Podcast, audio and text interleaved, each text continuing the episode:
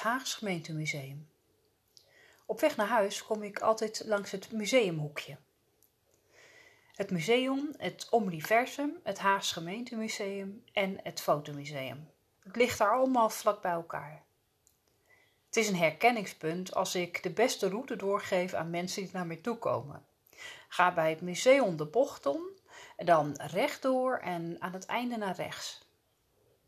Vandaag ben ik niet met de auto, maar lopend. En ik ben ook niet op weg naar huis, maar naar het museum en naar de aanschaf van mijn museumkaart. Het is lang geleden dat ik naar een museum ben geweest. Ik denk dat de laatste keer een paar jaar geleden was. Ik had twee weken vrij en ik had besloten om in die vakantie allerlei dingen in mijn eentje te ondernemen. Ik had een hele lijst gemaakt van alles wat ik allemaal wilde doen. En een van die dingen was naar Amsterdam, naar het Stedelijk Museum. Ging met de trein om rustig te kunnen genieten van de dag en van de hele onderneming.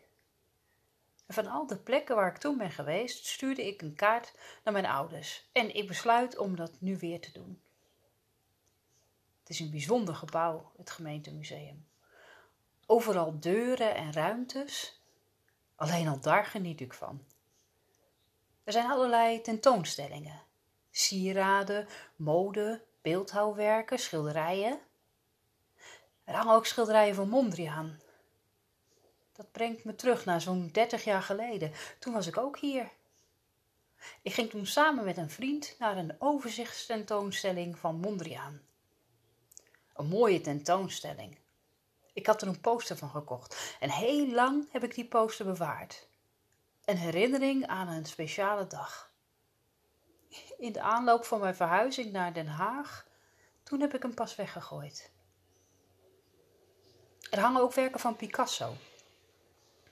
Ik bekijk ze en ik denk bij mezelf: het draait toch vooral om die lijnen en om het donker en het licht. Daar worden de figuren mee gecreëerd. Dan gaan mijn gedachten terug naar mijn fruitschaal. Ook zo'n 30 jaar geleden.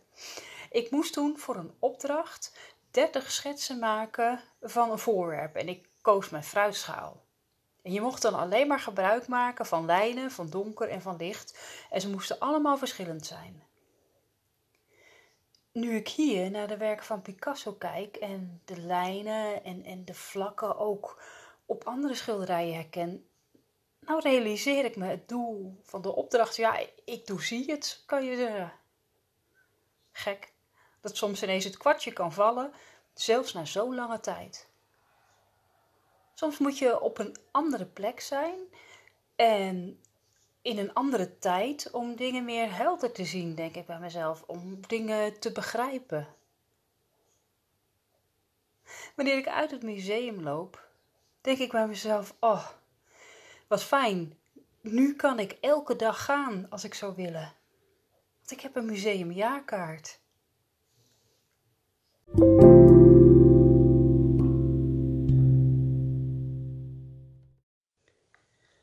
Het Fotografiemuseum. Een hele mooie tentoonstelling daar was die van Michael Wolf. Eerst persfotograaf geweest en nu autonoom kunstenaar. Het was een overzichtstentoonstelling met veel foto's uit Hongkong. Er was een muur die hing vol met foto's van mensen in een overvolle metro. Gezichten die al dan niet zichtbaar waren en handen tegen de veelal beslagen ramen gedrukt.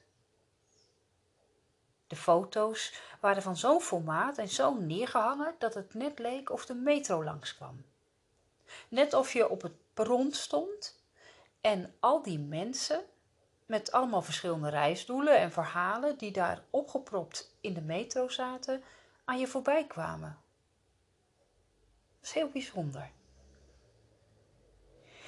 Maar wat ik het meest indrukwekkende vond, was een installatie van ongeveer 20.000 stuks plastic speelgoed. Made in China. Je werd er gewoon naartoe getrokken door de enorme uitbarsting van kleur. En al die verschillende vormen en, en af en toe herkende je stukjes speelgoed. Terwijl ik er naar aan het kijken was, ontdekte ik dat er foto's tussen zaten grote en kleine foto's. Foto's van mensen die lagen te slapen onder een werkbank. Mannen met armen en benen eraf. Mensen die speelgoed aan het maken waren, zittend op een krukje. Een hele tegenstelling met die suikerzoete, kleurrijke muur vol speelgoed. Maar wel de harde realiteit voor de mensen die dat speelgoed gemaakt hebben. Er was ook een korte film over de installatie, over hoe die was opgebouwd, maar ook over de foto's. De verhalen erachter, de mensen. Dat vond ik echt een meerwaarde. Het gaf mij ook de reden om, nadat ik die film had gezien, weer terug te gaan en te gaan zitten tegenover die indrukwekkende, kleurrijke muur en nog een poos naar te kijken.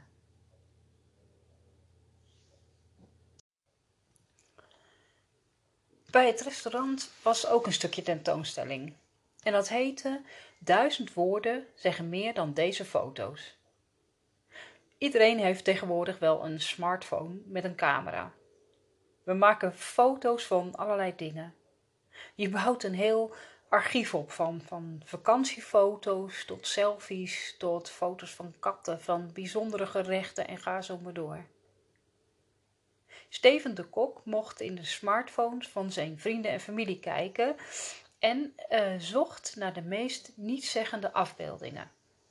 Een foto die je gemaakt hebt waar je nooit meer naar kijkt of waarvan je vergeet dat hij er is. De kok stelt steeds deze vraag: Waarom heb je deze foto gemaakt? En zo staan er bij al de foto's die er hangen hele verhaaltjes over de foto. Ik ga ook eens op zoek in mijn eigen telefoon en zo kom ik een foto tegen van een bord met balletjes deeg erop. Ja, ik wilde toen uh, laten zien dat ik koekjes ging maken. Denk ik. een artikelkaartje uit de IKEA. Dat was volgens mij om te onthouden waar ik het later in het magazijn kon vinden. Een soort geheugensteuntje. Een foto van een bijzondere etiket. Daar stond de bijnaam van mijn dochter op. Ik wilde daar eigenlijk altijd nog wat mee doen. Was ik helemaal vergeten. Toch wel leuk wat zo'n tentoonstelling in gang zet.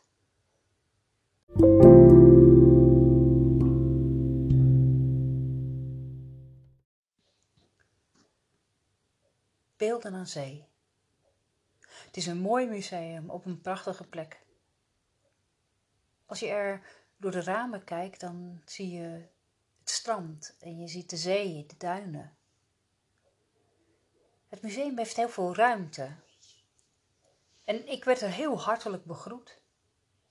Er werd niet moeilijk gedaan over dat ik een tas bij me had en het was er niet druk was heel rustig en prettig om daar te zijn.